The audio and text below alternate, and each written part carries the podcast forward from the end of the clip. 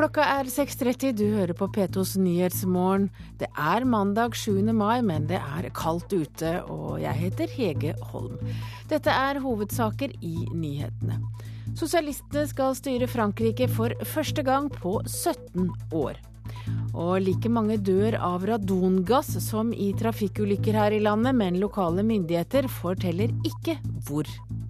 Altså, vi har jo ikke noe problem med, med, å fortelle den enkelte at det er ganske mange som har funnet radon i nærheten av der du bor, hvis vi blir spurt om det. Men vi får ikke lov til å legge ut det kartet på internett.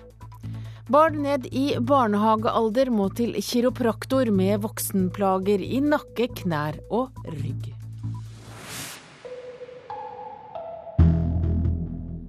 Aller først i sendinga skal vi til Frankrike, for i går var det altså full fest på Bastilleplassen i Paris.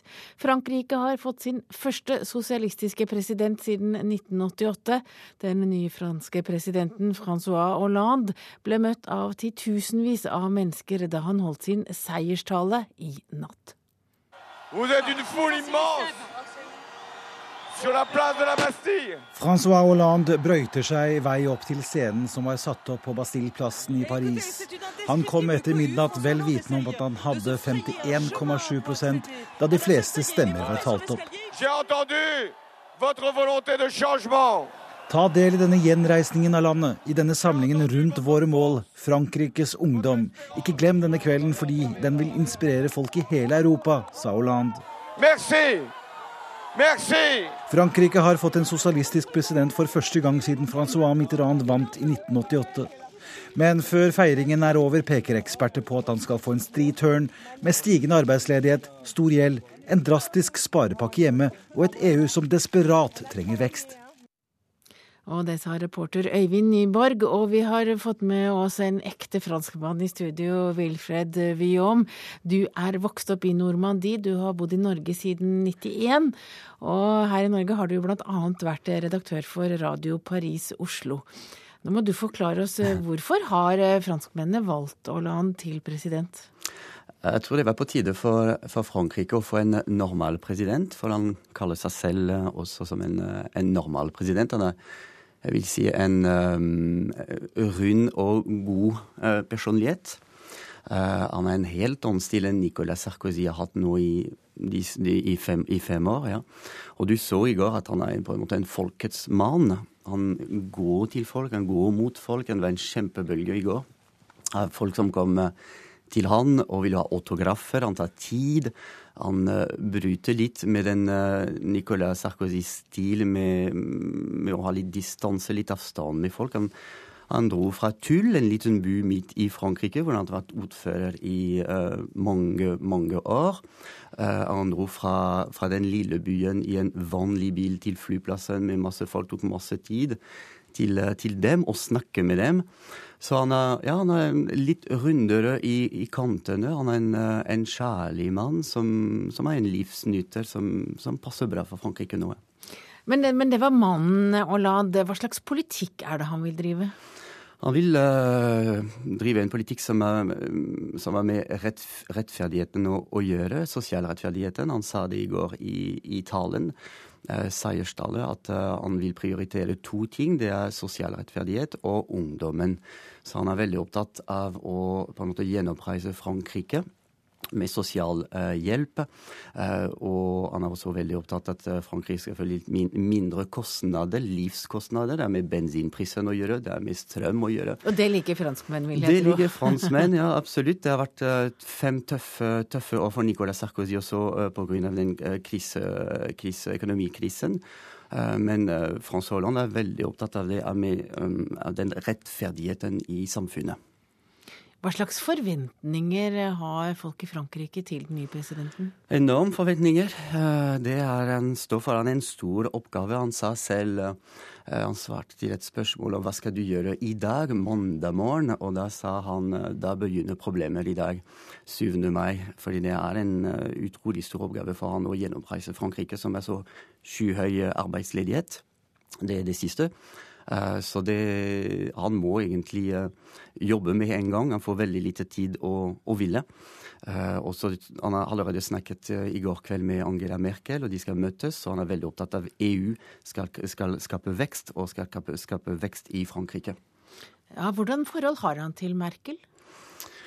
Vi får se, egentlig. Litt spennende. Ja. Litt, litt spennende. Det er også to forskjellige typer personligheter. og Angela Merkel har støttet Nicolas Sarkozy veldig tidlig. Så det kan bli en liten, uh, ja, liten uh, ja, konflikt der. Vi får se hvordan de, hvordan de klarer å, um, å forhandle den nye, eller den europeiske traktaten som François Hollande vil gjøre. Og de skal møtes nå om ikke så lenge, så det blir spennende. For det er også veldig avgjørende for EUs fremtid, selvfølgelig. Men du snakker om at eh, Frankrike trenger en litt rund president, en normal president, og det er han. Men det er jo ikke alle i Frankrike som mener det, for Nei. Nasjonal Front har jo fått veldig stor oppslutning. Ja, de har fått en ganske stor uh, oppslutning, og det har vært også en, uh, en stor seier for dem nå. Uh, med Marine Le Pen, som har kanskje forandret litt Front Nationals ansikt. Har vært litt, litt mykere, litt mer på en måte Eh, godkjent, akseptabel for de fleste, eller for mange flere i Frankrike, og for, for også ganske mange unge mennesker i dette valget. Hun har tenkt nå kanskje å bytte også navn fra Front National til Parti Blø Marine til de neste stortingvalget som, stortingvalget som kommer i, i juni. Så hun, hun, hun, spiller veldig mye på det med, med frykt og med usikkerhet, med stor arbeidsledighet, med innvandring og alt dette vil ut av EU. Så det, det har vært en ganske, ganske aggressiv, jeg vil si eksessiv politikk. Ja. Takk til deg, Wilfred Wiom, eh, som altså er vokst opp i Normandie, men har bodd her i Norge siden 91. De greske regjeringspartiene har mistet flertallet i nasjonalforsamlingen. Valgresultatet fra i går viser at Sosialistpartiet og det konservative partiet Ny demokrati til sammen fikk bare 32,4% av stemmene. Dermed har de to partiene til sammen gått tilbake med 45 prosentpoeng fra valget i 2009. Misfornøyde velgere har strømmet til både ytre og venstre, ytre venstre og ytre høyre fløy, og det nynazistiske partiet Gyllent daggry har fått plass i nasjonalforsamlingen for første gang på 40 år. Nettbankene våre fungerer igjen. I går var både minibanker og nettbanker ute av drift. Minibankene kom i drift igjen sent i går kveld, og nå fungerer også nettbankene, sier informasjonssjef Torgeir Kristiansen i driftsselskapet Evry. Alle våre leveranser av eh, både minibank, eh, korttjenester og nettbanktjenester går nå som normalt igjen, etter at vi hadde problemer i noen eh, timer i går. Eh, jeg benytter anledningen til å beklage eh, de problemene. Eh, driftsproblemene våre i går har ført til både for kundene våre og for deres kunder. En 44 år gammel mann ble i natt pågrepet i Malmö, mistenkt for å ha skutt en kvinne. Kvinnen ble funnet død i en bil i sentrum av Malmö i går kveld. Hun er ikke identifisert, men politiet tror det er bilens 39 år gamle eier. Det ser ut til å dreie seg om et familiedrama, sier Martin Karlsson i politiet i Skåne. Da har vi kommet fram til dagens presserunde. To leger truer med å slutte ved Florida sykehjem i Bergen. Etter samhandlingsreformen har driften av sykehjemmet blitt uansvarlig, sier legene til Bergensavisen. Mange pasienter skrives nå ut tidligere enn før fra sykehus og blir sendt på sykehjem. Private boligeiere redder flyktninger, skriver Bergens Tidende. Så langt i år har tre ganger flere flyktninger fått tak over hodet i forhold til i fjor. Flyktningene leier seg inn i private boliger, skriver avisen. Russetreffet i Kongeparken utenfor Stavanger kunne vært dobbelt så stort, sier arrangørene til Stavanger Aftenblad. Men de 11 000 som kom, fikk en kald opplevelse. Adresseavisen forteller i dag at Malvik videregående skole utviste en utviklingshemmet gutt. Det beklager rektor nå overfor foreldrene, for det var ulovlig. Nordlys avslører bander som reiser rundt og tømmer innsamlingskonteinere for klær. Avisen har fått tilgang til videoklipp som viser tyveriet. VG har vært i Thailand og beskriver hvordan norske menn utsetter seg for sykdommer etter ubeskyttet sex med thailandske prostituerte. Vårt Land, der sier Høyre nei til tigging pga. eget ubehag. Det mener Kirkens Bymisjon på forsiden av avisen. Også internt i Høyre er det mange som er skuffet over vedtaket, skriver Vårt Land. Næringslivets hovedorganisasjon foreslår å kutte i kraftfôrprisene for å få kostnadene ned i jordbruket, skriver Nasjonen. Billigere kraftfôr kan gi milliardgevinst for norske bønder. Partiet Rødt har fått ny leder. Bjørnar Moxnes vil lære av danske kollegaer på enhetslisten og fornye partiet, skriver Klassekampen. Nå er alle 68-erne ute av partiledelsen i Rødt. Det går fram av referatet. Dagbladet advarer mot flått på sin forside. Folkehelseinstituttet sier at det nå er økt risiko for å bli syk av flått. Gym hver dag gir flinkere elever, skriver Aftenposten. Ni av ti lærere mener at gym gjør elevene sunnere, greiere og mer lærevilje. Sammen med legene og idretten krever de én gymtime hver skoledag. Dagsavisen har bilde av Frankrikes nye president på sin forside. For første gang på 17 år har altså Frankrike en sosialistisk president. Hvordan Hollande møter Frankrikes massive utfordringer blir avgjørende for hele Europa, skriver avisen. Og i Dagens Næringsliv så fortsetter Orka-krangelen. I helgen sa tidligere Orkla-sjef Finn Jebsen til, eh, til Finansavisen at Stein Erik Hagen raserte selskapet. I dag sier Hagen på forsiden av Dagens Næringsliv at han syns synd på Jepsen, som bærer på et slikt hat.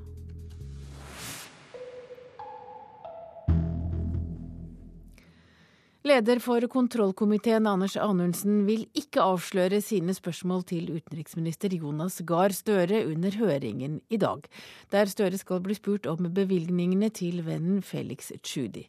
Grunnen til at Anundsen ikke vil at utenriksministeren skal eh, vite spørsmålene, er fordi da kan han møte komiteen med ferdigskrevne svar. Jeg har ikke lyst til å være konkret i forhold til hvilke spørsmål jeg kommer til å stille, for jeg syns det er viktig at de skal komme over bordet og rett på utenriksministeren, sånn at han kan få svare spontant på de spørsmålene som kommer. I formiddag holder Stortingets kontroll- og konstitusjonskomité en åpen høring om den såkalte Sjuddi-saken. Utenriksminister Jonas Gahr Støre bevilget i 2008 6 millioner kroner til opprettelsen av Senter for nordområdelogistikk. Selv om søknaden kom fra Norges Rederiforbund, var det Støres nære venn Felix Tschudi som satte i gang prosjektet.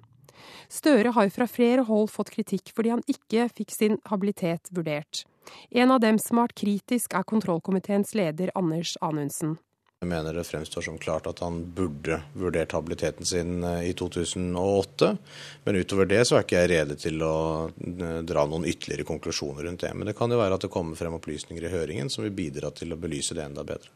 I tillegg til utenriksministeren kommer både Rederiforbundet og Felix Tschudi selv på høringen. Anders Anundsen sier komiteen ønsker å belyse saken fra alle sider. Det er jo mange spørsmål vi kan komme til å bore i. Det er jo mange forskjellige som skal spørre ut. Alle partiene har jo muligheten til å stille de spørsmålene de er mest opptatt av skal bli stilt. Eh, så jeg er helt overbevist om at vi får en veldig brei høring, med en brei inngang til hele denne problemstillingen. Arbeiderpartiets Martin Kolberg sitter også i kontrollkomiteen på Stortinget. Det var han som foreslo at Tschudi-saken skulle tas ut som en egen sak av den generelle høringen om tilskudd, der alle departementene vil bli hørt.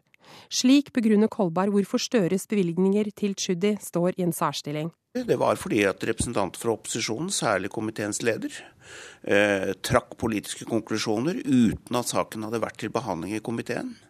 Det mener jeg var veldig galt, og eh, derfor sa jeg at det var nødvendig å gjøre det på denne måten. Og Derfor er jeg glad for at vi starter høringen i dag. Når dagens høring er over, skal komiteen ha interne drøftinger og trekke sine konklusjoner. 29. mai skal hele Stortinget ha Sjuddi-saken opp til behandling. Og reporter her var Berit Aalborg. Det, den tidligere BI-forskeren som ble felt for forskningsjuks, anker nå avgjørelsen. Det nasjonale granskingsutvalget for forskningsjuks mente at doktorgradsavhandlingen i stor grad var basert på avskrift av andres verk. Og det er for så vidt ikke forskeren uenig i. I anken skriver hun at det stemmer at det er en del avskrift i doktorgradsavhandlinga, men at avskrift og plagiat langt fra er det samme. Hun viser til stor usikkerhet om hvordan en skal sitere og referere andre kilder. Dette var også BI-rektor Tom Kolbjørnsens poeng da NRK tok opp hans rolle i saka for et par uker siden. Plagiatbegrepet er enda ikke fullt avklart, og det er nok det viktigste utfordringen som akademia står overfor akkurat nå. BI frikjente først forskeren, mens det er et nasjonalt granskingsutvalg som nå har kommet med konklusjonen om at hun plagierte. I og med at hun anker, går saka videre til Kunnskapsdepartementet og er dermed ikke avslutta. I klageskrivet kritiserer forskeren saksbehandlinga. Hun mener en forskningsjukskonklusjon kan bli opplevd som en livstidsdom, og at rettstryggleiken hennes ikke har blitt ivaretatt på en god nok måte. Og det sa Håvard Grønli, og Sindre Herdal var også reporter i denne saken. De norske ishockeyguttene får ikke mye tid til å hvile i VM. 20 timer etter at de tapte for Russland skal landslaget ut på isen i ettermiddag og spille mot Tsjekkia. Ingen enkel oppgave, mener Patrick Thoresen. Det blir en ny, uh, ny motstander som, uh, som, ligger i verdenstoppen. Uh, vi må bare sette oss på sykkelen og få i oss litt mat og bare hvile opp. Så komme friske bein i morgen og klart hode. Hektisk hverdag i VM. Patrick Thoresen og ishockeylandslaget møter ikke bare tøff motstand, de kjemper også en kamp mot klokka. 20 timer er alt de har til restitusjon og oppladning mellom gårsdagens kamp mot Russland og dagens kamp mot Tsjekkia, et lag som hadde hviledag i går. Det har vi visst om hele tida, og vi er mentalt klar over det. Jeg tror det er gode sjanser for å ta noen poeng i morgen. Eh, så det, Av det jeg har sett av Tsjekkia til nå, så, så, er jeg positiv og håper vi kan gjøre en bra match. Sier en optimistisk Per Åge Skrøder. Også landslagssjef Roy Johansen tror Norge kan sikre seg sine første VM-poeng i dag, etter to strake tap mot Sverige og Russland. Det til tross for tøff motstander og tøff oppladning. Tsjekkia er jo også en av de store, men har vel ikke foreløpig ikke vist uh den klassen som eh, Sverige og Russland har gjort. Men det er jo en sterk hockeynasjon, og de kom jo til VM her med, med seks strake seire mot eh, Sverige, Russland, Finland osv. Så, videre. så det er jo en av de, de store nasjonene som er medaljekandidater. Norge og Tsjekkia møttes også i gruppespillet i VM for to år siden. Tsjekkerne ble til slutt verdensmestere, men tapte 2-3 mot Norge uten skrøder. Ja, jeg vant vel der nede, gjorde de ikke det? Jeg var ikke med da, så det er på tide at jeg får vinne over Tsjekkia. ja, reporter her var Christian Myrseth. Du hører på Nyhetsmorgen i NRK P2 og Alltid nyheter. Klokka er 6.47, og dette er hovedsaker i nyhetene akkurat nå. Sosialistene skal styre Frankrike for første gang på 17 år. Like mange dør av radongass som i trafikkulykker her i landet. Likevel er det hemmelig hvor radongassfaren er størst. Og Nidarosdomens guttekor og Sølvguttene har nå begravd stridsøksa og sang sammen for første gang i helgen.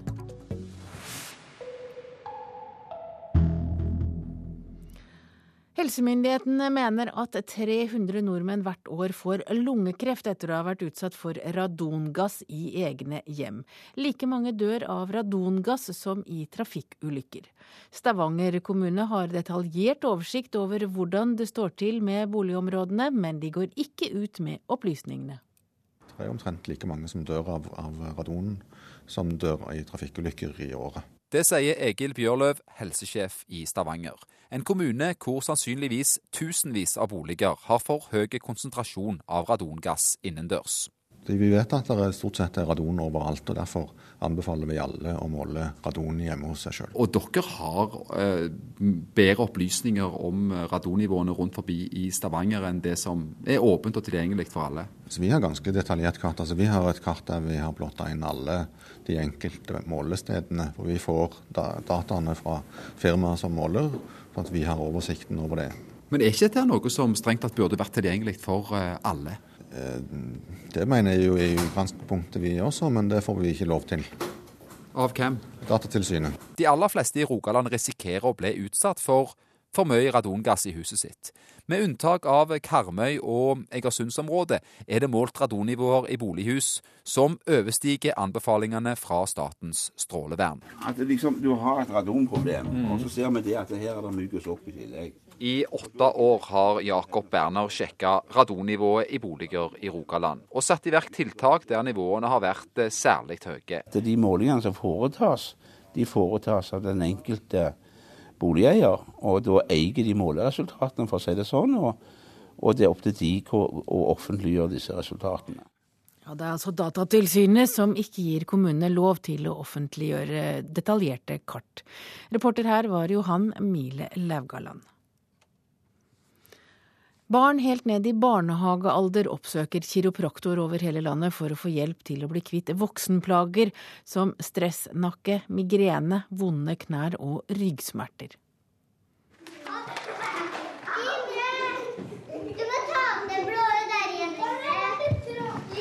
Latteren sitter løst når fireåringen i Hinkenhopp barnehage i Sarpsborg har sin daglige trening.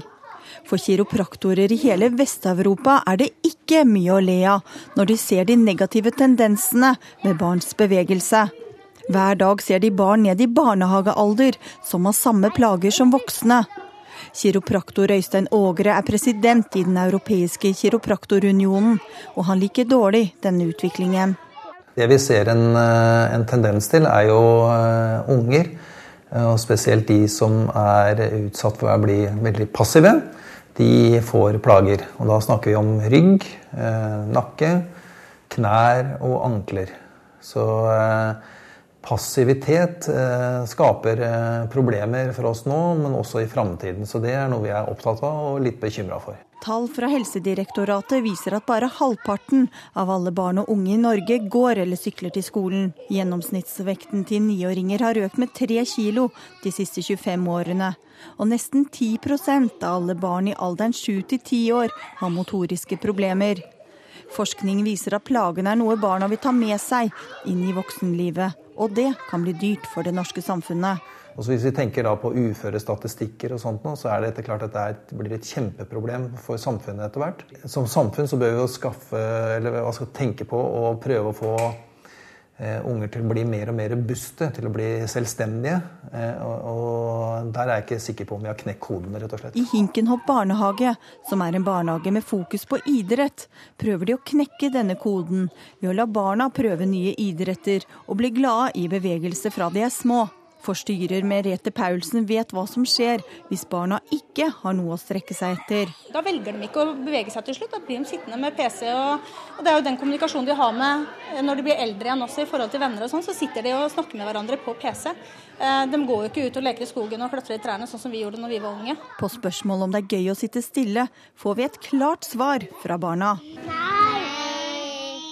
Hvorfor ikke det? Fordi at vi de må sitte bare stille, og så får vi vondt i magen. Åger er klar på hvem som kan snu den negative trenden. Vi skylder på ungene nå, men nå er foreldregenerasjonen må ta ansvar. Eh, for det er sånn at aktive foreldre, da blir barna aktive. Er man eh, passiv som foreldre, så kan man ikke forvente at ungene skal bli veldig aktive. Det at vi som foreldre kan ta et tak og, og vise vei, det, det tror jeg er en nødvendighet. Ja, reporter i denne saken er Anette Torjussen. Norsk film- og plateselskaper tyr til svenske politimyndigheter for å få hjelp med ulovlig nedlasting. Mens svenskene har en egen spesialenhet på feltet, blir ikke denne typen kriminalitet prioritert av norsk politi. Ifølge en undersøkelse fra filmbransjen taper de rundt 200 millioner kroner årlig på ulovlig fildeling. Med tre-fire tastetrykk blir filmen 'Trolljegeren' lastet ned, eller i dette tilfellet streamet, fra internett. Okay. Filmen har blitt lastet ned tusenvis av ganger over hele verden. Det koster deg ingenting. Det som derimot koster, er å etterforske denne kriminelle handlingen. Folk vil jo alltid prøve å finne naturlige forklaringer på sånne ting. Pga. manglende ressurser har etterforskningen av denne saken, i likhet med de fleste andre fildelingssaker, blitt henlagt av politiet. Det blir henlagt. Sier advokat Rune Jostad, som representerer norske rettighetshavere. Og Det er det frustrerende for rettighetshaverne i dette. altså De kan gå til oss, og vi har da inntil nylig i hvert fall kunnet dokumentere disse krenkelsene. Men det vi har kunnet gjøre utover det, har vært å sende en politianmeldelse, som dessverre i alle tilfeller, så å si, har blitt henlagt. Det eneste andre alternativet har vært sivile søksmål. Så er det eh, i de fleste saker et eh, for sterkt inngrep og for belastende inngrep både for rettighetshaver og for for den som stått for krenkelsen. Fordi norsk politi og påtalemyndigheter ikke prioriterer etterforskning av ulovlig fildeling, har norske plateselskaper og filmorganisasjoner henvendt seg til Sverige. For det finnes en egen spesialenhet som jobber med dette feltet. Da har rettighetsinnehaverne sagt at vi vender oss til er, ettersom de i Norge ikke det hender liksom ingenting. Det finnes ingen enhet å anvende det til. Det er lett å flytte en server fra ett land til et annet. Det er ikke like lett å samarbeide over landegrensene.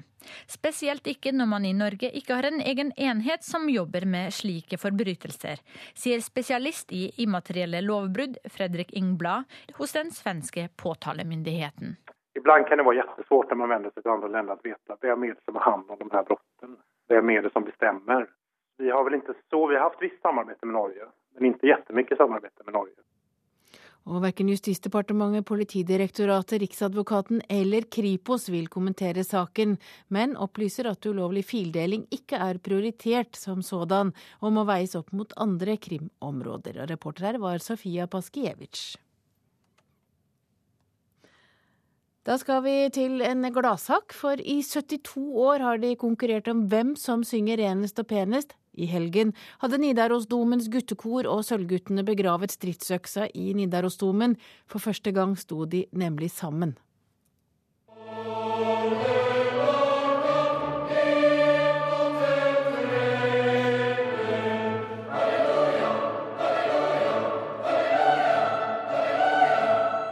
I ei fullsatt domkirke fikk publikum lørdag kveld både se og høre at den årelange knivinga mellom våre to beste guttekor var lagt død. Ifølge Sølvguttenes dirigent Fredrik Otterstad er det en gjensidig respekt som er årsaken til at det tok hele 72 år før korene kunne stå på samme scene. Det har vært en slags uh, uvennskap mellom de to korene, eller litt sånn, hva kaller man det, konkurranseånd dem imellom. da. Så ingen har på en måte turt å risikere å være dårligere enn den andre noen gang, tror jeg har vært grunnen. Men det er vi ikke redde for lenger. Det har vi slutta med. Selv om det her er første gangen de to korene synger sammen, så har de faktisk møtt hverandre tidligere. For på en rasteplass i Østerdalen ble det plutselig kamp mellom de to korene, forteller Markus Daasen. Vi har hatt en snøballkrig tidligere, da bussen våre møttes på, på veien en gang. Men det gikk bra.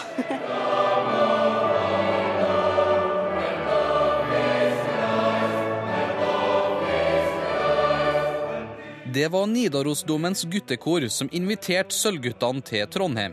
Det er over 25 år siden sist gjestene fra Oslo sang i nasjonalhelligdommen. For dirigent i Nidarosdomens guttekor, Bjørn Moe, var lørdagens konsert en mulighet til å gi publikum noe helt spesielt. Men også en mulighet til å vise at stridsøksa nå er begravet. Så Vi gleder oss veldig. Vi har jo invitert dem hit. og Guttene bor jo til og med privat hos våre gutter. Så det store vennskapet er der, og det skal også være på konserten. Men for Markus og resten av korguttene var det her en mulighet til å vise hvem som er aller best av de to korene. Vi har jo snakket om eh, Nidarosdomens guttekor før, og vi har diskutert hvem som er best og sånt, men det viser seg at vi er like gode, syns jeg i hvert fall.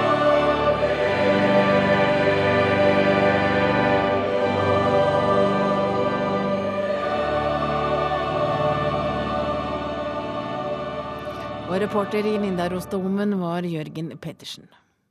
Da har vi kommet fram til et vær som gjelder til midnatt.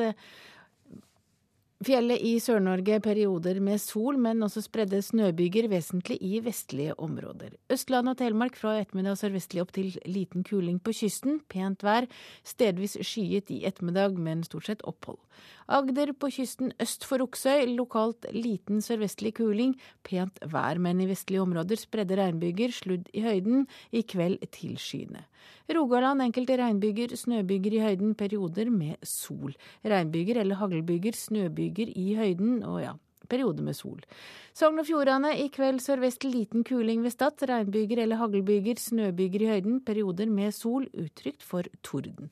Møre og Romsdal regnbyger eller haglbyger, snøbyger i høyden, perioder med sol, men utrygt for torden. Trøndelag vest og sørvest opp i liten kuling på kysten, regnbyger, snøbyger i høyden. Helgeland, Saltfjellet og Salten i formiddag økning til sørvestlig liten kuling. Stiv kuling på kysten i nord, regnbyger, snøbyger i høyere strøk. Ofoten, Lofoten og Vesterålen fra i kveld sørvestlig periodevis stiv kuling, regnbyger, snøbyger i høyden. Og Troms spredde snøbyger, snøbyger i høyere strøk og perioder med sol. Finnmark etter hvert oppholdsvær og perioder med sol, og Nordensjøland på Spitsbergen, der blir det bare pent vær. Og det var et varsel som gjelder fram til midnatt.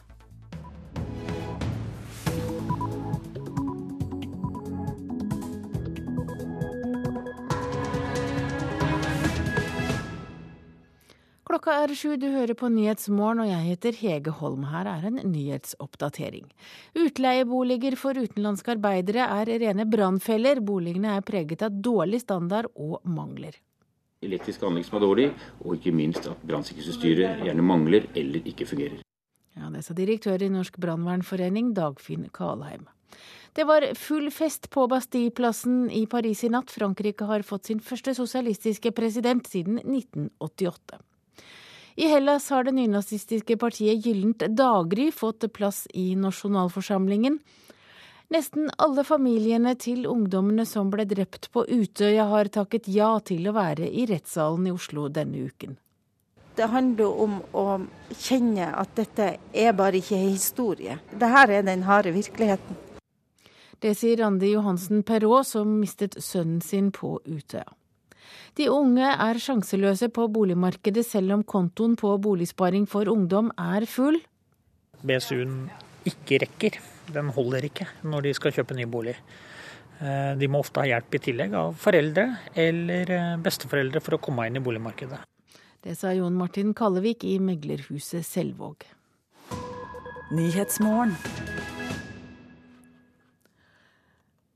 Ett av tre brannvesen har rykket ut til utleieboliger for utenlandske arbeidere i løpet av de siste to årene. Det viser en undersøkelse Norske brannvernforening har gjort. Direktør i Norsk brannvernforening, Dagfinn Kallheim, sier boligene er preget av dårlig standard og mangler. Forholdene er jo slik at det er ofte gamle, slitne boliger med dårlig elektriske anlegg og det er altfor mange beboere i forhold til det boligene er dimensjonert for. Så ofte elektriske anlegg som er dårlig, og ikke minst at brannsikkerhetsutstyret gjerne mangler eller ikke fungerer. Bostadene til utenlandske gjestearbeidere har flere nestenbranner, og kommunene og brannvesenene rundt i landet har ikke god nok oversikt. Det viser undersøkelser fra Brannvernforeninga. Flere gjestearbeidere har mista livet i utleiebosteder de siste åra. På Gulskogen i Drammen mista sju polakker livet i november 2008. Det forteller Odd Ellingsen, leder for brannvesenet i Drammen. Brannårsaken var jo tukling med det elektriske anlegget. Eh, grunnen til den tragiske utfallet med syv døde polske gjestearbeidere var jo at det var veldig mange som eh, bodde i den boligen.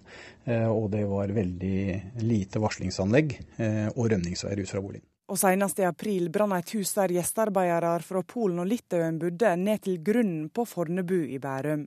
Ellingsen sier de utenlandske arbeiderne godtar dårlige og farlige forhold. De utenlandske fremmedarbeiderne har en litt annen tilnærming til sikkerhet enn det vi er vant med her i Norge. Så de godtar en dårligere sikkerhet i boligen sin enn det vi er vant med her i Norge. Det ser vi.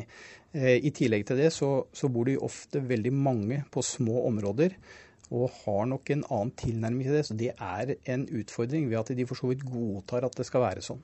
Og så finnes det dessverre en god del kyniske utleiere der ute. Det ser vi. Etter brannen på Gulskogen gikk de inn for å forbedre tryggleiken.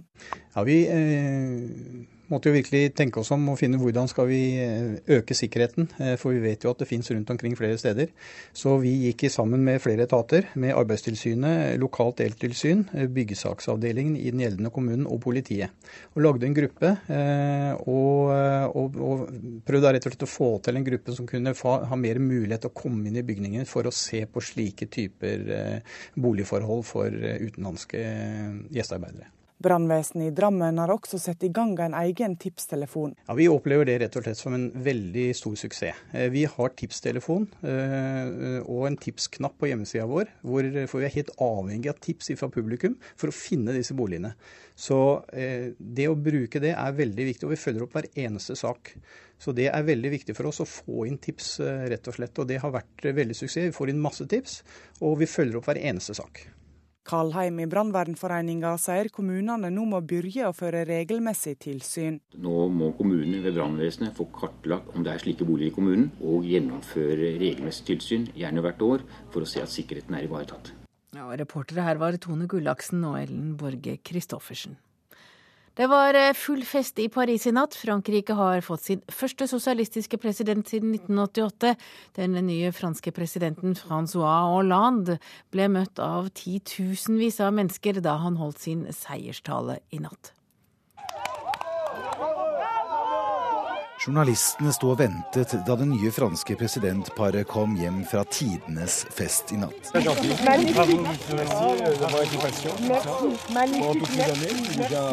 De fineste dagene i livet mitt var da jeg fødte mine barn. Men dette er helt klart den beste dagen for veldig mange franskmenn og for oss alle, sier den nye førstedamen Valérie Trier-Weiler. Vous êtes une foule immense! Francois Hollande brøyter seg vei opp til scenen som var satt opp på Bastilleplassen i Paris. Han kom etter midnatt vel vitende om at han hadde 51,7% da de fleste stemmer var talt opp.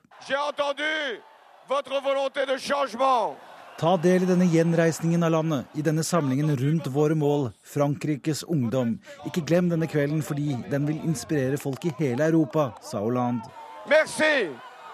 Merci! Frankrike har fått en sosialistisk president for første gang siden Francois Mitterrand vant i 1988.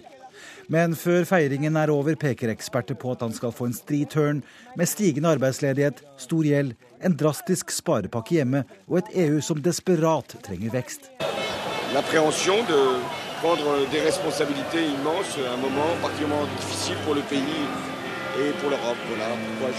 dette er en stor seier for meg og mine folk, men samtidig hviler det et stort ansvar på oss framover. Både for landet og for Europa. Det er mye glede, men det er også mange bekymringer, sa Francois Hollande bak scenen etter talen. Ja, og korrespondent Hege Moe Eriksen, du er i Paris. Hvordan har natten vært for vinneren? Ja, den har jo først og fremst vært lang, og det var jo altså full feiring med titusenvis av mennesker på Bastilleplassen midt i Paris. Eh, Francois Hollande kom gjennom en jublende folkemengde litt etter klokken halv ett i natt eh, her i Paris. Da var han flydd inn fra sitt hjemfylke Corrèze og kjørte deretter gjennom Paris-natta eh, med et haleheng av journalister som fulgte han på motorsykler. Og feiringen på Bastilleplassen var ikke helt tilfeldig, fordi det var her da at folk samlet seg i gledesrus da Francois Mitterrand vant valget i 1981. Og nå er altså Francois Hollande den andre presidenten fra venstresida som vinner valget i, i Den femte republikken sammen med Francois Mitterrand. Det er altså andre gangen at sosialistene får en, en president. Men hvordan er reaksjonene på valgresultatet? Du har eh, lest avisen i dag. Ja, det er jo mange reaksjoner. Over hele Europa så har det strømmet inn med reaksjoner. Hollande har jo varslet at han vil ha en ny strategi for Europa. I går sa han at vi har fått nok av nedskjæringer og sparing. Han ønsker nå fokus på hvordan skape vekst og arbeidsplasser. Og mange har sett på Hollande som en som kaller til et slags gryende oppgjør med det tyske spareregimet. Og det virker nå, hvis vi skal se ut fra reaksjonene, som om Hollande vinner mer og mer støtte støtte rundt omkring. Italias statsminister Mario Monti ringte for å gratulere og sa at han håpet på mer samarbeid eh, og mer fokus på hvordan skape vekst. Barack Obama ringte for å gratulere, og det samme gjorde også Tysklands Angela Merkel. Og Francois Hollande vil jo i løpet av kort tid eh, reise til Berlin, tradisjonen tro, eh, og det understreker jo også hvor viktig det tyske-franske samarbeidet er for Europa og EUs politikk. Men det er ikke helt ukomplisert mellom Hollande og Merkel? Absolutt ikke. Merkel har jo motsatt seg flere ganger å eh, bruke penger for å skape vekst. Hun vil ha en streng budsjettdisiplin. Mange mente det var en veldig sterk motsetning mellom Hollande og Merkel. Eh, nå har jo Merkel kommet Hollande litt i møte med å si at man også klart må se på hvordan vi kan dra Europa ut av resesjon og for å skape arbeidsplasser. Men det blir veldig spennende å se eh, hvordan den europeiske politikken vil bli framover. For Hollande har jo klart varslet at han vil reforhandle denne nye finanspakten som Angela Merkel har trumfet gjennom i EU. Hollande er jo den første sosialistiske presidenten i Frankrike på 17 år. Hva sier det om det politiske klimaet i Frankrike nå? Vel, det er et resultat som bedrar litt, på en måte, fordi det er egentlig den franske høyresida som har flertall i Frankrike. Og det skyldes først og fremst et sterkt ytre høyre. Marine Le Pen, høyreradikal Marine Le Pen og partiet Front National gjorde jo et brakvalg etter første valgrunde. De vant 18 18 av stemmene. Og det skapte mye spenning hva hennes velgere, 6,4 millioner til sammen, hvem de ville stemme på, om de ville støtte Sarkozy eller ikke. Det kan virke som om Sarkozy da ikke klarte å mobilisere eh, det antallet han trengte. Men i realiteten så er det faktisk eh, høyresida som har flertall. Og det kan jo også by på utfordringer for eh, Francois Hollande. Og så får vi se hvordan eh, stemningen er og hva resultatet blir når franskmenn igjen skal gå til valg, valg på nasjonalforsamling i juni. Takk til deg, korrespondent Hege Moe Eriksen i Paris.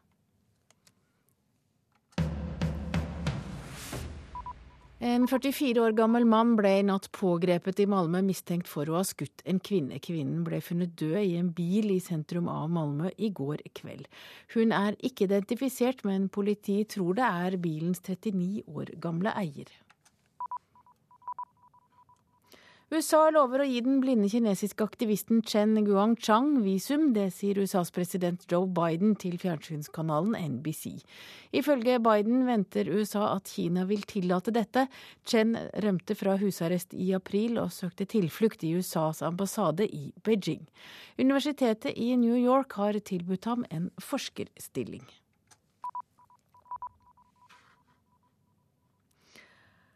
Og eh, da skal vi snakke om nettbanker og minibanker som er i drift igjen. Over halvparten av bankene her i landet hadde problemer i går pga. en feil hos systemleverandør Evry. Men nå er alt i orden igjen, forteller informasjonssjef Torgeir Kristiansen. Ja, minibankene fungerte som normalt igjen fra eh, sent i går kveld. Etter det har vi eh, jobbet hardt for å få også nettbanktjenestene til å fungere som normalt. Eh, rundt eh, klokka fire i natt så fungerte alle tjenestene som normalt. Over halvparten av norske banker var rammet av nett- og minibankproblemene i går. Bl.a. Norges største bank, DNB. Jeg benytter anledningen til å beklage eh, de problemene. Driftsproblemene våre i går har ført til både for kundene våre og for deres kunder.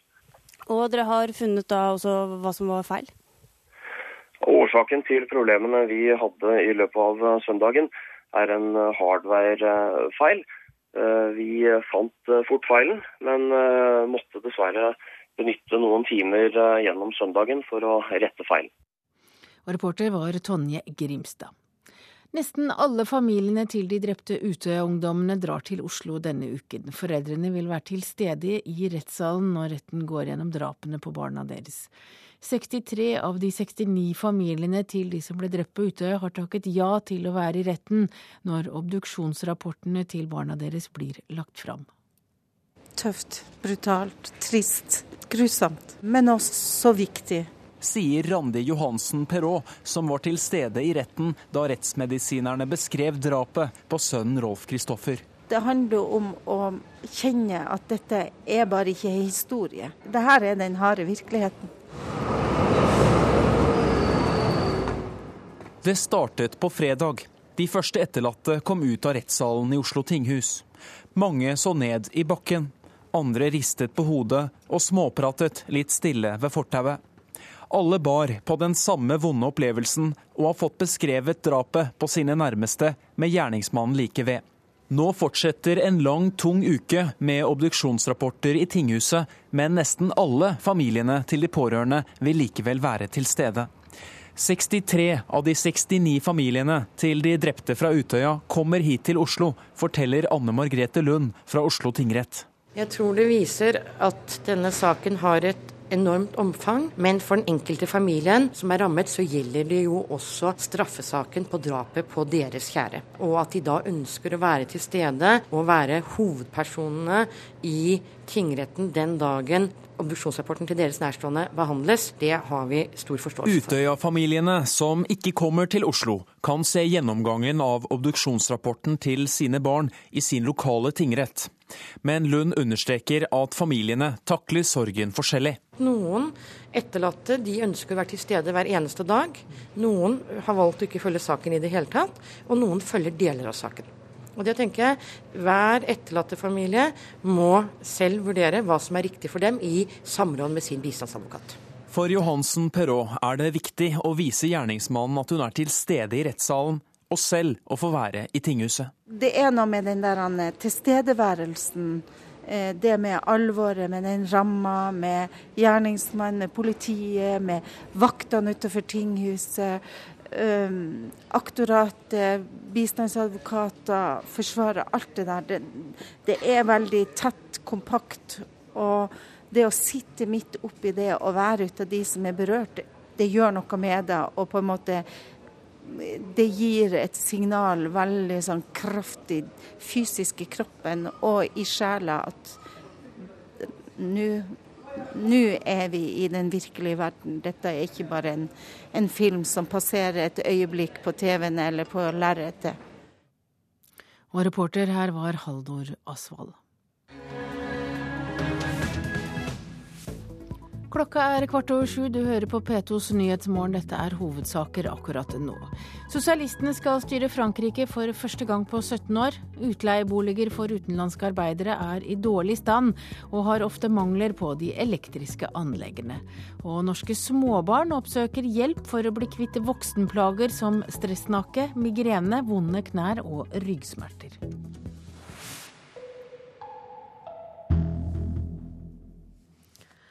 Ja, da skal vi snakke om eh, det greske valget som var i går.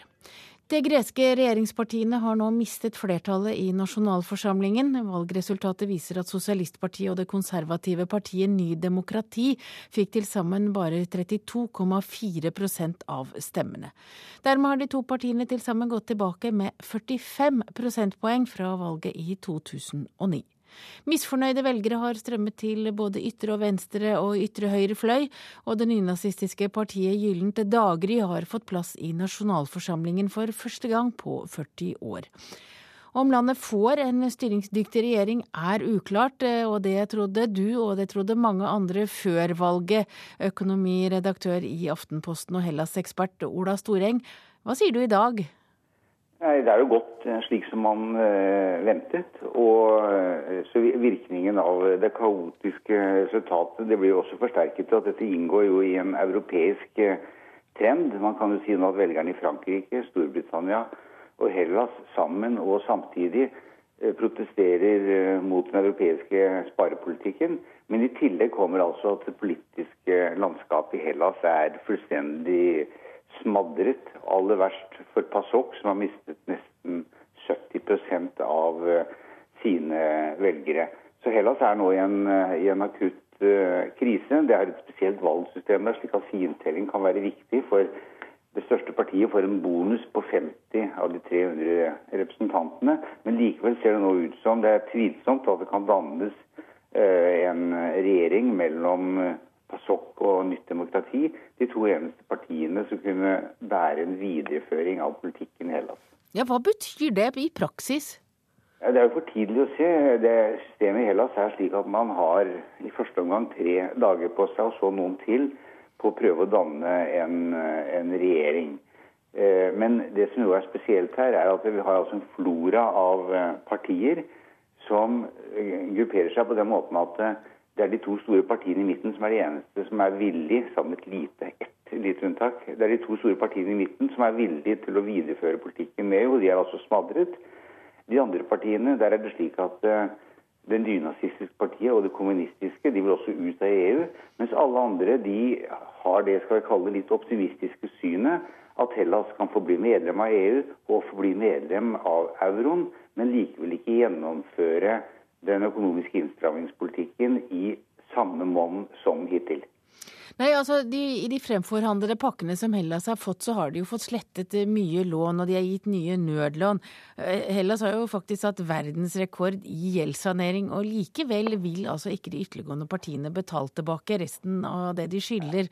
Og eh, dette virker jo som om det kan gå helt galt? Ja, men, men, hvor galt kan det gå? Ja, Man kan snu din beskrivelse helt på hodet og si at uh, ingen har hatt så mye gjeld igjen etter en gjeldslette som i Hellas.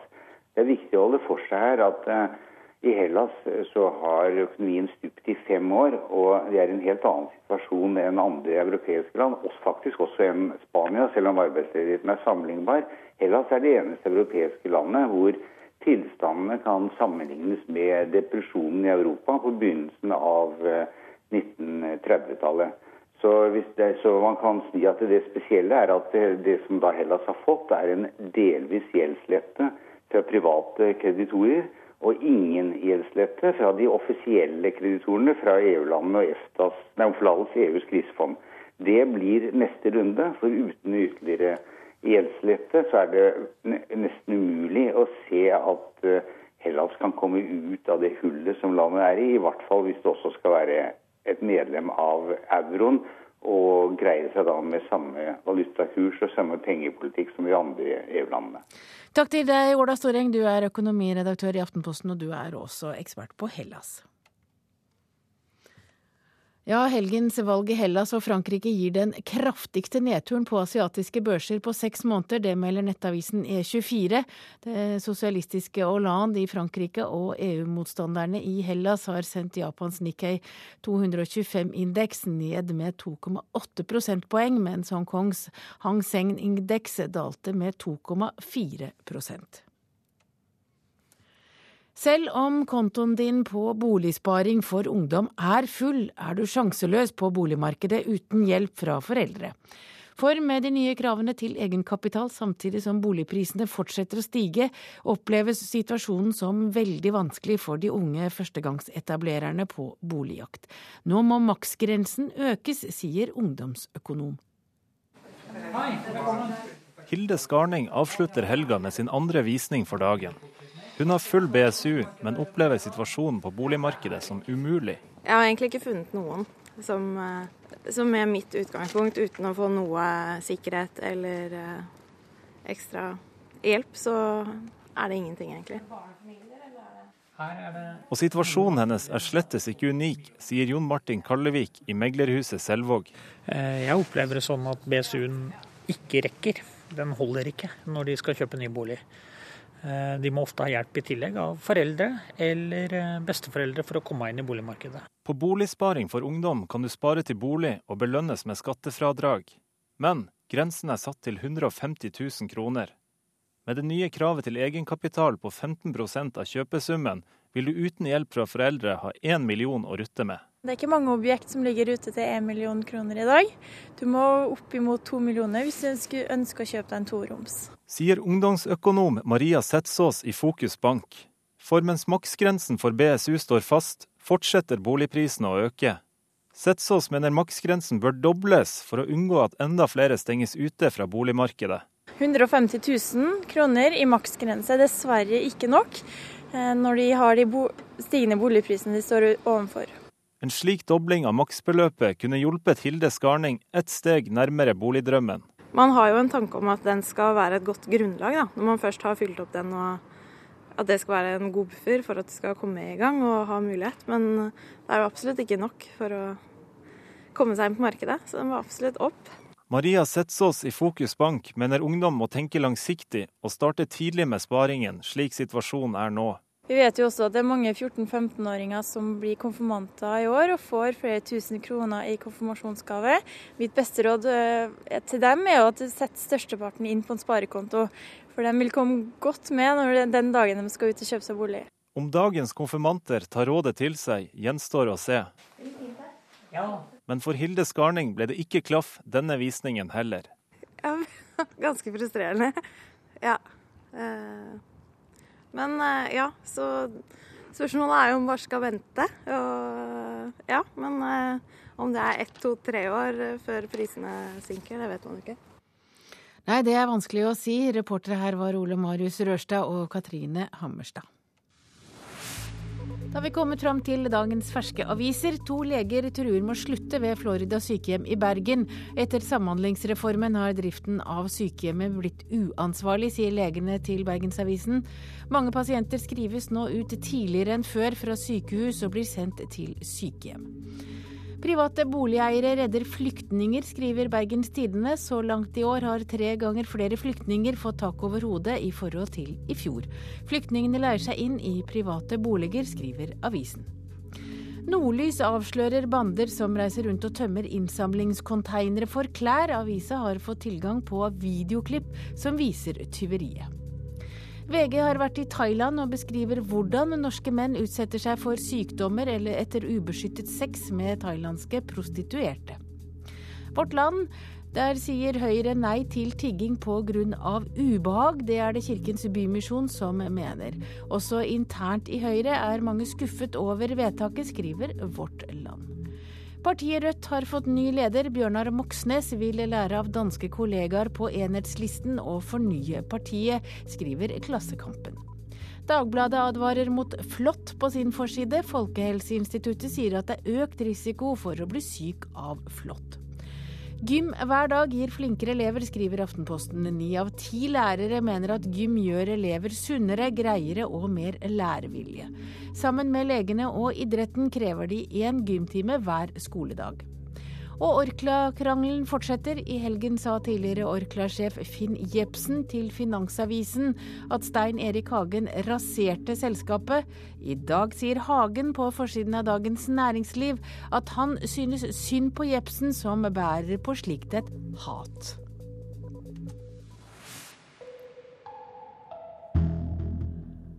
Hvert år kommer det rundt 70 000 personer til Norge for å jobbe en periode og så reise hjem. I Hedmark og Oppland er særlig landbruket avhengig av sesongarbeiderne, og de kommer. Du, Kan du komme ned et øyeblikk, for det, det, jeg har så mange sånne sesongarbeidere her, så det er jeg som står og ser på selvangivelsen. Det er travelt hos Skatt øst på Gjøvik. Veldig travelt. Det er høysesong nå, da, når du rykker inn med nå sesongarbeidere? Ja, nå begynner det. ja. Det gjør det. Sånn er Men det er ålreit, det. Vi er avhengig av dem. Sissel Stadheim har akkurat fått 20 russere og ukrainere inn døra.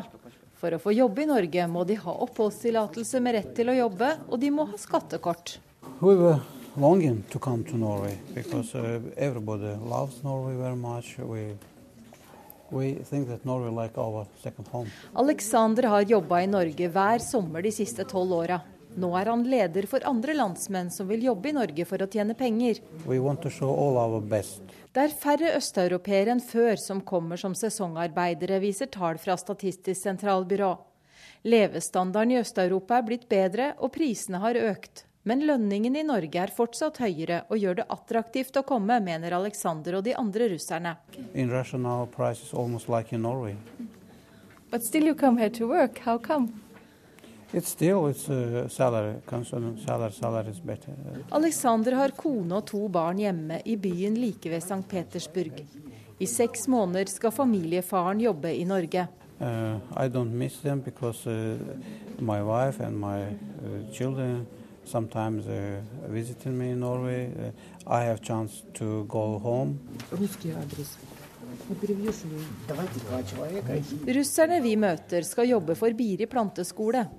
De skal drive med skogsarbeid og linerydding for norske skogeiere. Hva er det du hjelper dem med? Det er først og fremst skattekort. Det er det. For å få skattekort og, og sånn. D-nummer. Kontrollerer passa, ID-kontroll. Has he been here last year? Hvordan er det da når du kommer eh, 20 stykker på en gang og ikke kan norsk? Som regel har de med seg en som kan engelsk. Ja.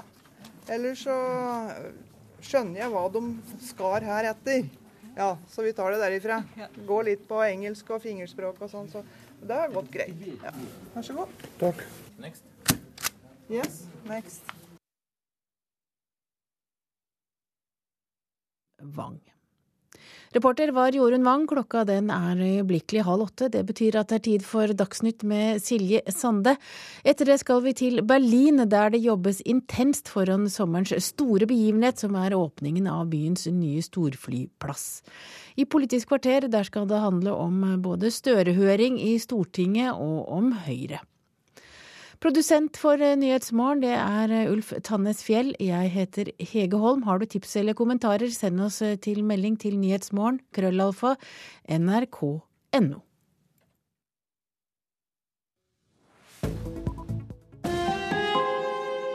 Hør ekko. Kjerringer med skaut og pappbegre har overtatt gata. Vi vasser i tiggere. Tigging må forbys og bøtelegges så det svir er noen meninger vi kan lese på nettet. Hvorfor føler vi ikke på det samme ubehaget når omega-3-selgeren ber om penga våre? Hør Ekko mandag. Ekko 9 11 i NRK P2.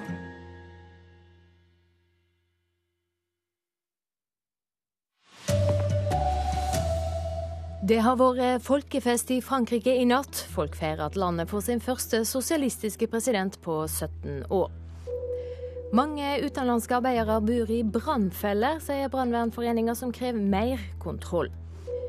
Og fire-femåringer blir behandla for voksenplager som stressnakke og vondt i ryggen. Her er NRK Dagsnytt klokka 7.30. Den nyvalgte presidenten i Frankrike, Francois Hollande, er uroa for de økonomiske problemene både i heimlandet og i resten av EU.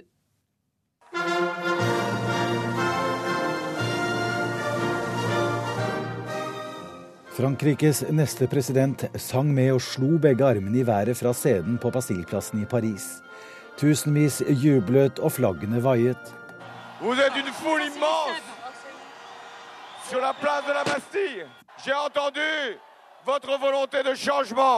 Ta del i denne gjenreisningen av landet, i denne samlingen rundt våre mål, Frankrikes ungdom.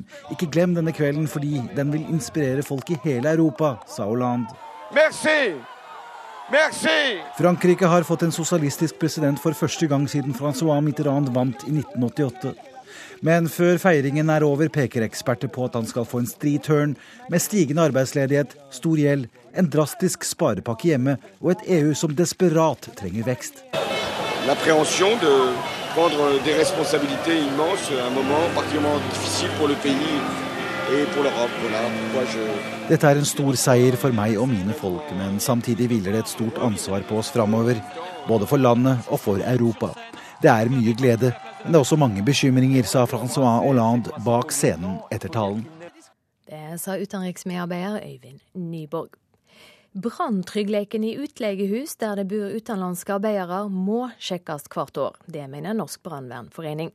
Ett av tre brannvesen har rykka ut til slike utleiehus de siste to åra. Det sier leder Dagfinn Karlheim. Forholdene er jo slik at det er ofte gamle, slitne boliger med dårlig elektrisk anlegg og det er altfor mange beboere i forhold til det boligene er dimensjonert for. Så ofte elektriske anlegg som er dårlig, og ikke minst at brannsikkerhetsutstyret gjerne mangler eller ikke fungerer. Bostadene til utenlandske gjestearbeidere har flere nestenbranner, og kommunene og brannvesenene rundt i landet har ikke god nok oversikt. Det viser undersøkelser fra Brannvernforeninga. Flere gjestearbeidere har mista livet i utleiebosteder de siste åra. På Gulskogen i Drammen mista sju polakker livet i november 2008. Det forteller Odd Ellingsen, leder for brannvesenet i Drammen. Brannårsaken var jo tukling med det elektriske anlegget. Eh, grunnen til den tragiske utfallet med syv døde polske gjestearbeidere var jo at det var veldig mange som eh, bodde i den boligen. Eh, og det var veldig lite varslingsanlegg eh, og rømningsveier ut fra boligen. Og senest i april brann et hus der gjestearbeidere fra Polen og Litauen bodde, ned til grunnen på Fornebu i Bærum. Ellingsen sier de utenlandske arbeiderne godtar dårlige og farlige forhold. De utenlandske fremmedarbeiderne har en litt annen tilnærming til sikkerhet enn det vi er vant med her i Norge. Så de godtar en dårligere sikkerhet i boligen sin enn det vi er vant med her i Norge. Det ser vi. Reporter Tone Gullaksen. Barn helt ned i barnehagealder blir sendt til kiropraktorer over hele landet for å få hjelp til å bli kvitt voksenplager som stressnakke, migrene, vonde kne og vondt i ryggen. Latteren sitter løst når fireåringen i Hinkenhopp barnehage i Sarpsborg har sin daglige trening. For kiropraktorer i hele Vest-Europa er det ikke mye å le av når de ser de negative tendensene ved barns bevegelse. Hver dag ser de barn ned i barnehagealder som har samme plager som voksne. Kiropraktor Øystein Ågre er president i Den europeiske kiropraktorunionen, og han liker dårlig denne utviklingen. Det vi ser en, eh, en tendens til, er jo uh, unger, og spesielt de som er utsatt for å bli veldig passive. De får plager. Og da snakker vi om rygg, nakke, knær og ankler.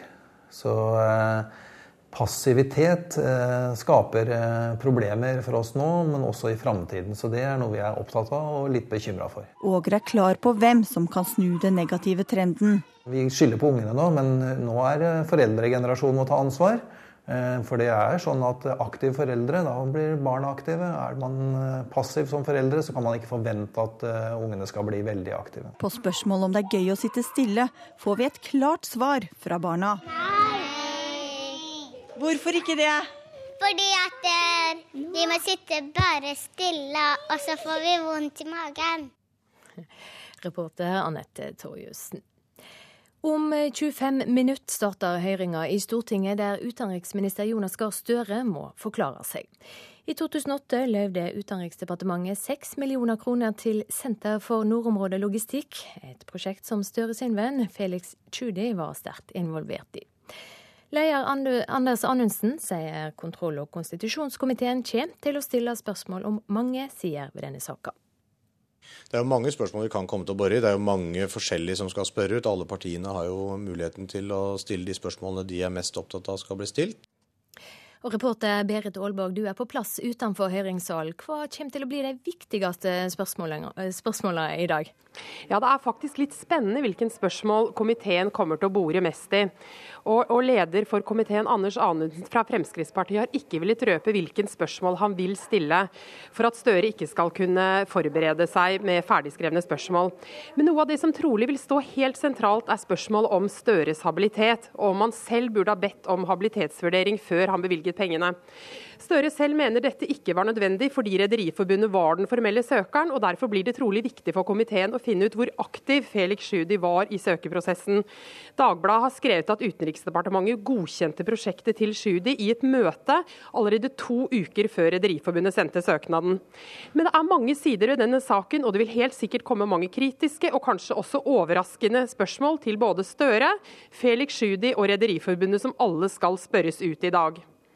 Takk skal du ha, Berit Aalborg. Og det blir selvsagt mer om denne saka i videre Dagsnytt-sendinger. Nesten alle familiene til de drepne Utøya-ungdommene dreg til Oslo denne veka. 63 av 69 familier har takka ja til å være i rettssalen for å høre rettsmedisinerne gå gjennom obduksjonsrapportene som handler om hvordan ungene deres mista livet. Tøft, brutalt, trist, grusomt, men også så viktig sier Randi Johansen Perrault, som var til stede i retten da rettsmedisinerne beskrev drapet på sønnen Rolf Kristoffer. Det startet på fredag. De første etterlatte kom ut av rettssalen i Oslo tinghus. Mange så ned i bakken. Andre ristet på hodet og småpratet litt stille ved fortauet. Alle bar på den samme vonde opplevelsen og har fått beskrevet drapet på sine nærmeste med gjerningsmannen like ved. Nå fortsetter en lang, tung uke med obduksjonsrapporter i tinghuset, men nesten alle familiene til de pårørende vil likevel være til stede. 63 av de 69 familiene til de drepte fra Utøya kommer hit til Oslo, forteller Anne Margrethe Lund fra Oslo tingrett. Jeg tror det viser at denne saken har et enormt omfang. Men for den enkelte familien som er rammet, så gjelder det jo også straffesaken på drapet på deres kjære. Og at de da ønsker å være til stede og være hovedpersonene i tingretten den dagen obduksjonsrapporten til deres nærstående behandles, det har vi stor forståelse for. Det som i hvert fall for min del jeg har kjent på, det er jo òg det å vise en motstand imot denne grusomheten. Være til stede. Det er oss du har berørt og tatt noen ting ifra. Reporter Haldor Asvald. Alle nettbanker og minibanker er nå i drift igjen. Over halvparten av bankene her i landet hadde problemer i går, men feil er nå retta opp. Så fotball. Ålesund-trener Kjetil Rekdal ble sendt opp på tribunen etter at han protesterte på en dommeravgjør i nabooppgjøret mellom Molde og Ålesund i går. Rekdal, som er kjent for temperamentet sitt, sier til Dagbladet at han tror dommerne hadde fått beskjed fra Fotballforbundet om å sende han på tribunen. Altså, jeg ser det på skjermen, eh, så tror jeg han sparker og Tolle sparker til, men det, det er noe som skjer i forkant der, så vi er ikke så veldig happy for det. Er et innkast foran benken vår. Det eneste gangen jeg reagerte i hele kampen. De kasta omtrent ball rett i bakken, en 20-30 cm foran huet. Og Da roper vi på feil innkast, og så går det videre og så ender opp med straffespark. Vi har slutta å bry oss om feil innkast, han eh, Stabæk, så jeg vet ikke. Hva syns du om uh, dommerkvartetten? Veldig gode, faktisk. Jeg har ikke noe å utsette på han Edvardsen. Hvorfor jeg blir sendt på tribunen det, det må jeg spørre ham om, faktisk. For det, det forstår jeg ikke, rett og slett. For det, Arnefjord får et kort, og så spør jeg du kan ikke gi han gult kort. Sier sånn. Og det blir vist på tribunen for. Så det, det har jeg veldig vanskelig med å forstå at det skulle være riktig, for å være helt ærlig. Reporter her Arne Flatin. Ansvarlig for dagsnyttsendingene denne morgenen, Bjørn Christian Jacobsen. Teknisk ansvarlig, Hilde Tosterud. Her i studio, Silje Sande.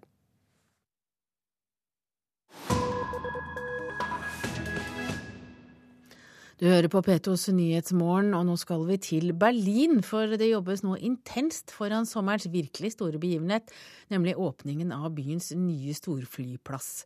Den 24. mai skal flyplassen offisielt åpnes, og den 3. juni starter flygningene. I forbindelse med åpningen blir det bl.a. satt i gang nye flyruter fra Berlin til hele verden, også til Norge. Reporter Arnt Stefansen har besøkt Berlins nye storflyplass.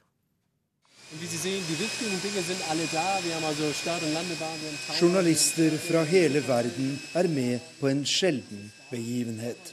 Et besøk på en splitter ny europeisk storflyplass.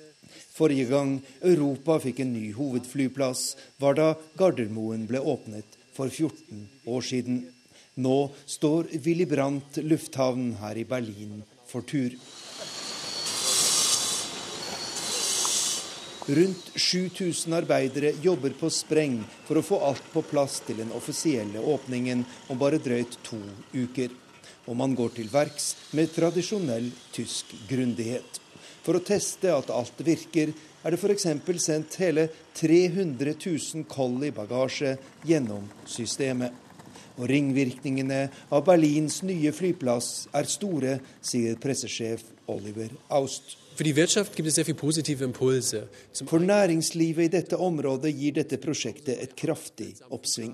På selve flyplassen og ellers i Berlin og Brandenburg blir det skapt mer enn 70 000 arbeidsplasser.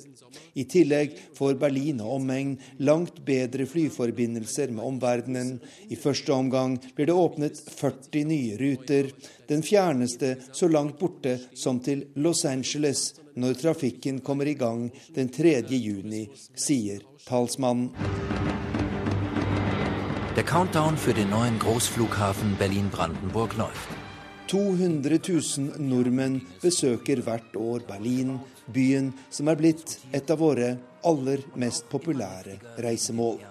Og det er intet dristig tips at tallet vil øke kraftig når den nye hovedflyplassen åpnes for trafikk. Flere selskaper vil åpne nye ruter til Norge, blant dem Air Berlin, det største flyselskapet her i den tyske hovedstaden. Vi utvider vårt tilbud på strekningen Berlin-Gardermoen til tre daglige flygninger fra mandag til fredag, sier talskvinne Janina Zitz i Air Berlin.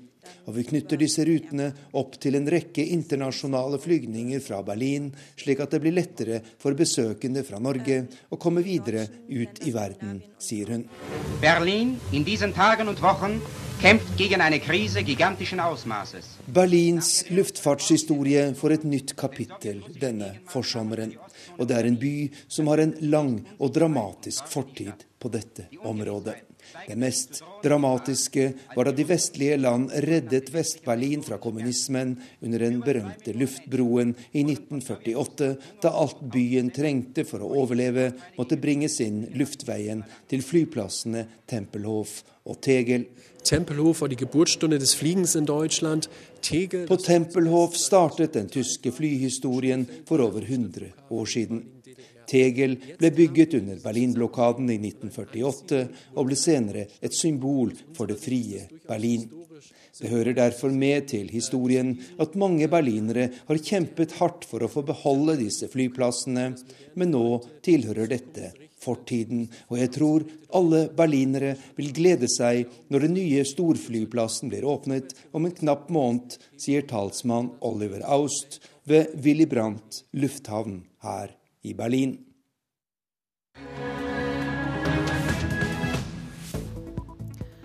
Du hører altså på Petos Nyhetsmorgen, og dette er nyhetsoverskriftene akkurat nå. Sosialistene skal styre Frankrike for første gang på 17 år. Utleieboliger for utenlandske arbeidere er i dårlig stand og har ofte mangler på de elektriske anleggene.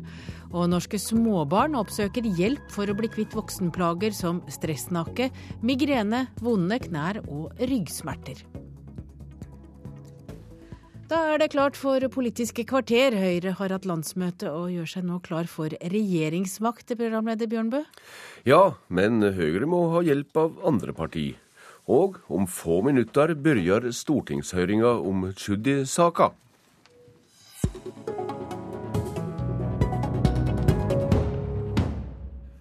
Som er hørt i Dagsnytt, nå klokka åtte begynner høringa i kontrollkomiteen i Stortinget om løyvingene Utenriksdepartementet og utenriksminister Jonas Gahr Støre gav til kjenningen Felix Tschudi. Det har vært tungt press mot Støre. Kollega Berit Aalberg, du er i Stortinget. Her blir det reist spørsmål både om kameraderi og inhabilitet? Ja, jeg står utenfor Stortingets høringssal, og det er nå bare et kvarter til høringen starter. Og som vi har hørt på Dagsnytt tidligere i dag, så er et sentralt tema Støres habilitet, da han bevilget 6 millioner kroner til Senteret for nordområdelogistikk. Et prosjekt Støres venn Felix Tschudi var sterkt involvert i. Jeg har med meg leder for Stortingets kontroll- og konstitusjonskomité, Anders Anundsen fra Frp. Og, og Anundsen, du har vært hemmelighetsfull når det gjelder spørsmålene dine til Støre, fordi du ikke vil at han skal møte med ferdigskrevne svar. Nå er det kort tid igjen til høringa. Kan du røpe litt av det du vil spørre Støre om? Ja, nå er det ikke fordi at jeg skal være så veldig hemmelighetsfull som er poenget, men det er rett og slett at jeg vil ha spontane reaksjoner fra utenriksministeren på de spørsmåla som kommer. Og hvis jeg forteller deg hva slags spørsmål jeg skal stille nå, så har han fortsatt to timer på å få ferdigskrevne svar.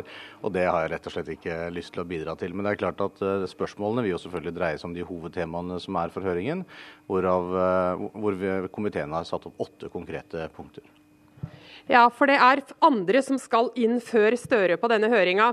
Men Aanensen, du har tidligere sagt at Støre burde fått sin habilitet vurdert. Er det et av temaene du vil ta opp i dag?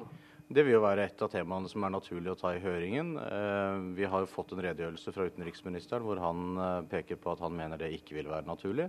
Men vi må få avklart eventuelle uklarheter rundt dette i løpet av eh, de timene vi har til rådighet i dag. Og Det handler jo om flere forskjellige problemstillinger. Ikke bare de nære relasjonene, men i hvilken grad det dukker opp varselklokker når det er noen du kjenner som er involvert i f.eks. søknadsprosesser som dette. Dere har fått alle dokumentene som Støre selv mener er relevante for saken. Tror du det kan komme frem noen overraskende momenter i høringa i dag? Det kan godt hende det kommer eh, nye opplysninger, og det er jo poenget med denne høringen. egentlig. Det er å få avklart eventuelle uklarheter som vi har sett uh, tidligere. Uh, og da kan det jo komme nye opplysninger. Men jeg har ikke forventninger til at det kommer nye dokumenter, for komiteen har jo uh, i en ny henvendelse til Støre bedt om å få all relevant dokumentasjon etter et oppslag i Aftenposten. Og da viste det seg at det ikke var noen ytterligere dokumentasjon som var å fremlegge. Og Der fikk vi også beskjed om at dersom det dukket opp noe, så skulle vi få det oversendt. Så jeg tror ikke det kommer noen nye dokumenter, men nye opplysninger kan det jo komme. Hallgeir Langeland, du sitter også i kontroll- og konstitusjonskomiteen for SV. Hva forventer du å få svar på i dag?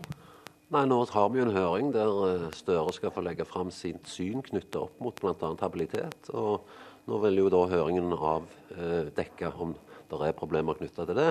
Støre er jo veldig sikker på at det ikke er det. men så får høringen vise hva som er tilfellet. Et siste spørsmål til deg. Ser du likhetstrekk mellom Tschudi-saken og, saken, og sakene som gjorde at din egen partileder Audun Lysbakken måtte trekke seg som minister? To forskjellige konklusjoner er trukket. Audun informerte meg at han kom til å trekke seg, for han mente seg selv inhabil. Støre mener det motsatte i denne saken, og nå vil høringen avdekke realiteten. Da er det ikke lenge igjen til høringen starter her på Stortinget. Takk til Anders Anundsen og Hallgeir Langeland. Da setter jeg tilbake til studio i Politisk kvarter. Og takk til kollega Berit Aalborg, som altså nå skal følge denne høringa på Stortinget.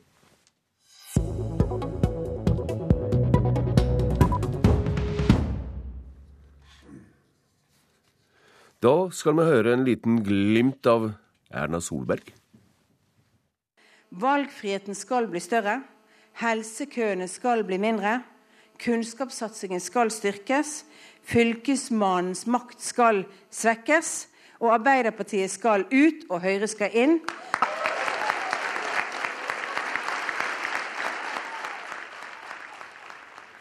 Ja, slik avslutta partileder Erna Solberg Høyres landsmøte i går. Et selvtrygt parti vil inn i regjeringskontorene neste år, men må ha hjelp av andre parti. Lørdag var det et rettelig jovialt møte mellom opposisjonspartiene på sjølve Høyres landsmøte. Nestleder i Høyre, Bent Høie, du leier programarbeidet i Høyre, og nå skal det håndfaste politiske strevet om grunnlag for regjeringsskifte i gang. Stortinget må tegne et nytt kommunekart, sa landsmøtet. Hva parti skal hjelpe deg og Høyre med det? Nei, Det må jo de andre partiene diskutere når de òg diskuterer sine programmer på sine landsmøter eh, neste år. Men jeg har jo sett at Venstre har jo allerede gått eh, lenger enn Høyre i det spørsmålet. Jeg ser at samme diskusjon går i, i Fremskrittspartiet òg. Og det tror jeg er et spørsmål som eh, flere og flere av partiene kommer til å ender opp med fordi kommunestrukturen i dag er en hinder for å gi kommunene sterkere lokalt selvstyre, og ikke minst eh, gi kommunene muligheten til å løse oppgavene bedre for innbyggerne, f.eks. innenfor mm. barnevernet. Parlamentarisk leder i Kristelig Folkeparti, Hans Olav Syversen. Hvor langt vil du gå på Høyres vei i å tvinge kommunene til å slå seg sammen? Jeg tror jo kommunene selv nå eh, diskuterer mange steder om, om, man skal eh, ha tettere samarbeid, eller om man skal slå seg sammen.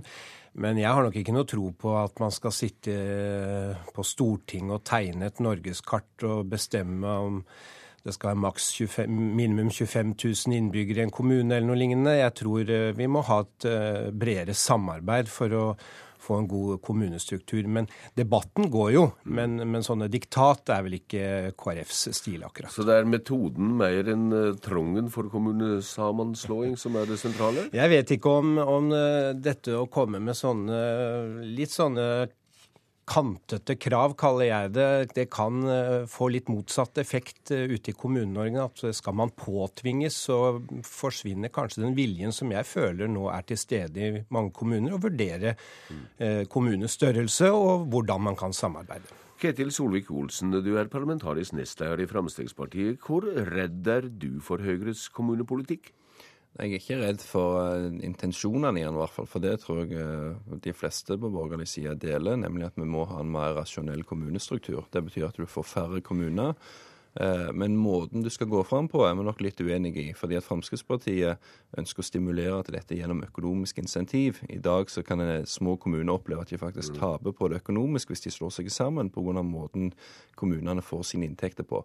Jeg tror Hvis du gjør endringer der, sånn at kommunene ser at de tjener på å slå seg sammen, så vil mange gjøre, ønske det uh, frivillig.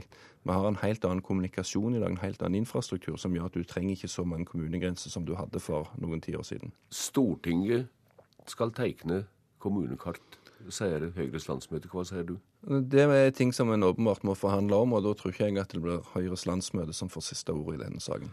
Hører du dette, Høie? Ikke engang Fremskrittspartiet vil være fullt ut med deg? Nei, men Jeg er veldig enig i det både Solvik-Olsen og Syversen her sier. fordi det som er Høyres utgangspunkt, er ikke at uh, kommunekartet skal se annerledes ut uh, med farge, fargestifter på, men at en skal gjøre, ha andre kommuner i forhold til hva oppgaver kommunen skal løse. Jeg tror at vi fort kan bli enige om at uh, hvis Stortinget sier at får vi en annen kommunestruktur, så kan kommunene få disse oppgavene på staten, kan få bestemme mer i forhold til det som Fylkesmannen i dag overprøver kommunene på.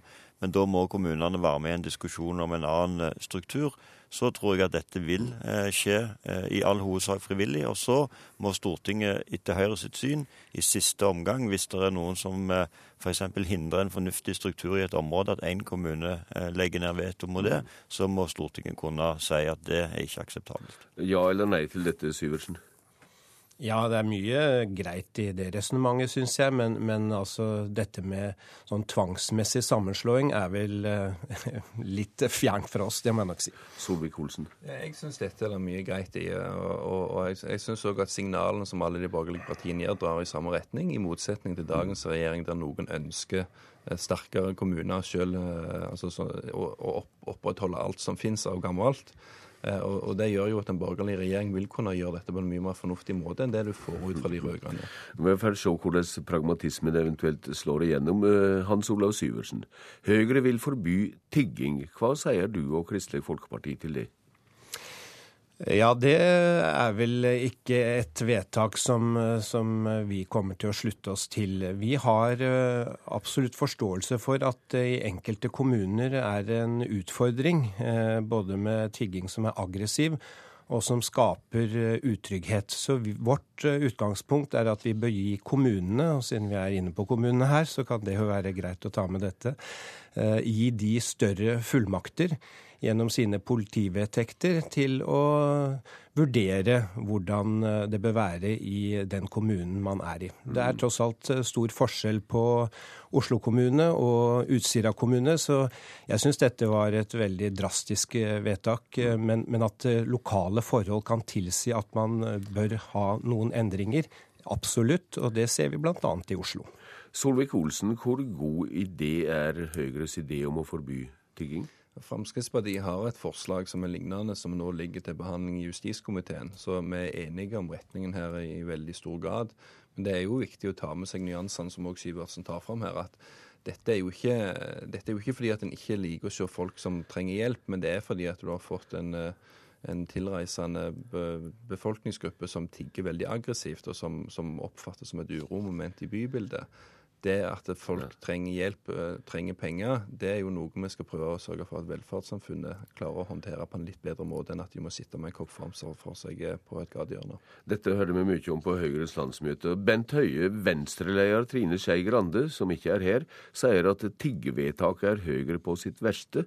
Det høres ut som at det er Fremskrittspartiet du må tigge hjelp fra, i alle fall på opposisjonssida? Ja, men jeg, altså den, det som også Syversen her sier, er jo mye av det som våre lokalpolitikere har eh, forsøkt på. og Det er derfor òg flertallet på Høyre sitt landsmøte ønsket å gi politiet en lovhjemmel til å forby altså gi en lovhjemmel som forbyr tigging, fordi mange kommuner som har forprøvd å komme til inngrep med dette gjennom politivedtektene, har sagt at de opplever at de mangler en lovhjemmel som kan gi politiet et mulighet til å gripe inn mot den tiggingen som er en organisert tigging, der mennesker blir utsatt for menneskehandel, for vold, eh, og, og, tvinges til å reise til Norge for å tigge på vegne av andre. Så du demper konturene litt av dette vedtaket også? Ja, altså, jeg, Det var iallfall det som òg var argumentasjonen for de som eh, var for denne lovhjemmelen. Så det, det, jeg tror at dette ikke er et uh, uoverstigelig uh, uenighet her i forhold til dette. Så var jo mitt utgangspunkt det samme som, som Syvertsen, at jeg mente at det ikke var behov for dette. Men der mente flertallet på landsmøtet noe annet, og det må vi forholde oss til. Så høye. Så skal gjerne Høyre og Fremskrittspartiet i gang med oljeboring utenfor Lofoten og Vesterålen når det kommer til makta. Ja, det er vår eh, politikk. Vi mener at eh, det er viktig å eh, sikre gode framtidige vilkår for det som er landets viktigste næring. Det er store, sannsynligvis store ressurser utenfor Lofoten Vesterålen som ikke minst vi skal bruke til å ha god velferd, et godt velferdssamfunn i Norge i årene framover. Og eh, for en rogalending som lever med oljenæringen hver dag, så vet jeg at det går veldig lang tid fra en eh, leite til en eh, faktisk er i gang med produksjon. Så hvis vi utsetter leitingen for mm. lenge, så kan vi fort oppleve at oljeinntektene faller dramatisk. og at det vil gå utover velferdssamfunnet vårt. Syversen, hvor kategorisk er Kristelig Folkeparti mot slik boring? Ja, Det er vårt uh, programvedtak for inneværende periode, og det tror jeg vil stå seg. Og så skal vi vel være enige om at nå skjer jo en uh, oljeboom uh, uansett. Altså vi åpner jo områder lenger nord. Oljenæringen går så det suser, så jeg ser ikke noe behov for å åpne for leting på områder som er veldig sårbare for andre Eh, ressurser som vi har, nemlig fisk. Så eh, jeg tror vi kommer til å holde fast på absolutt eh, vårt utgangspunkt der, ja. Bent Høie, dersom alle fire ikke går inn i regjering, og dersom det da blir et borgerlig flertall, og det skulle bli en mindretallsregjering av Høyre og Fremskrittspartiet, hva posisjon får Kristelig Folkeparti og Venstre da? Høyre sitt utgangspunkt er at uh, alle disse fire partiene ja, det vet vi, men jeg spurte om ja, et alternativ. Ja, Men det får du ikke fra meg. fordi at uh, jeg mener at disse fire partiene, det var jo det som også kom fram på vårt landsmøte, har noen felles ideer om hvordan Norge kan gå i en annen retning. Både i forhold til valgfrihet, maktspredning, det å satse på kunnskap, og ikke minst det å si at verdiskapning ikke bare er noe som foregår for å finansiere velferdssamfunnet, men at vi òg verdiskapning der folk får bruke evnene sine, har en egen verdi. Mm. Hans Olav Syversen, har vi komme et fullstendig borgerlig samarbeid etter Høyres landsmøte? Ja, du vet det er mange som utfordrer KrF på dette, men vi har faktisk eh, en runde i partiet, og den er jeg lojal til. Og den skal vi avslutte i september, så da får vi invitere oss tilbake da. Det kommer sikkert til å gjøre. Politisk kvarter er slutt for i dag. Takk til dykk. Jeg heter Bjørn Bø.